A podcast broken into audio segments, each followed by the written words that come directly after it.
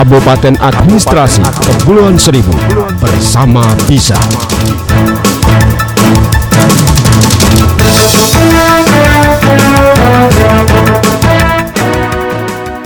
94,1 Radio Kepulauan Seribu. Selamat sore pendengar setia di mana pun Anda berada.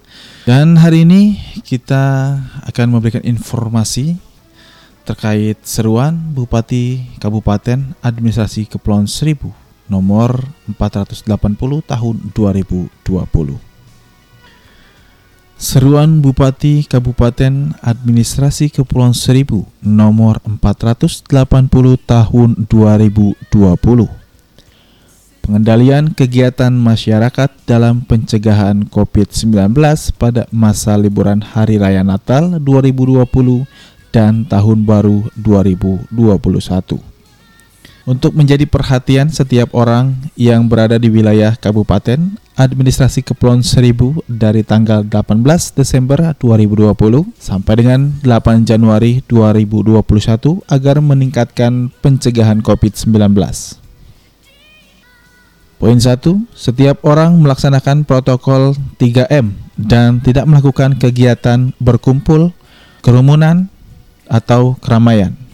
Dan poin 2, tempat kerja atau kantor menerapkan batasan jam operasional paling lama pukul 19.00 waktu Indonesia Barat dengan batasan kapasitas orang maksimal 50% dalam waktu bersamaan.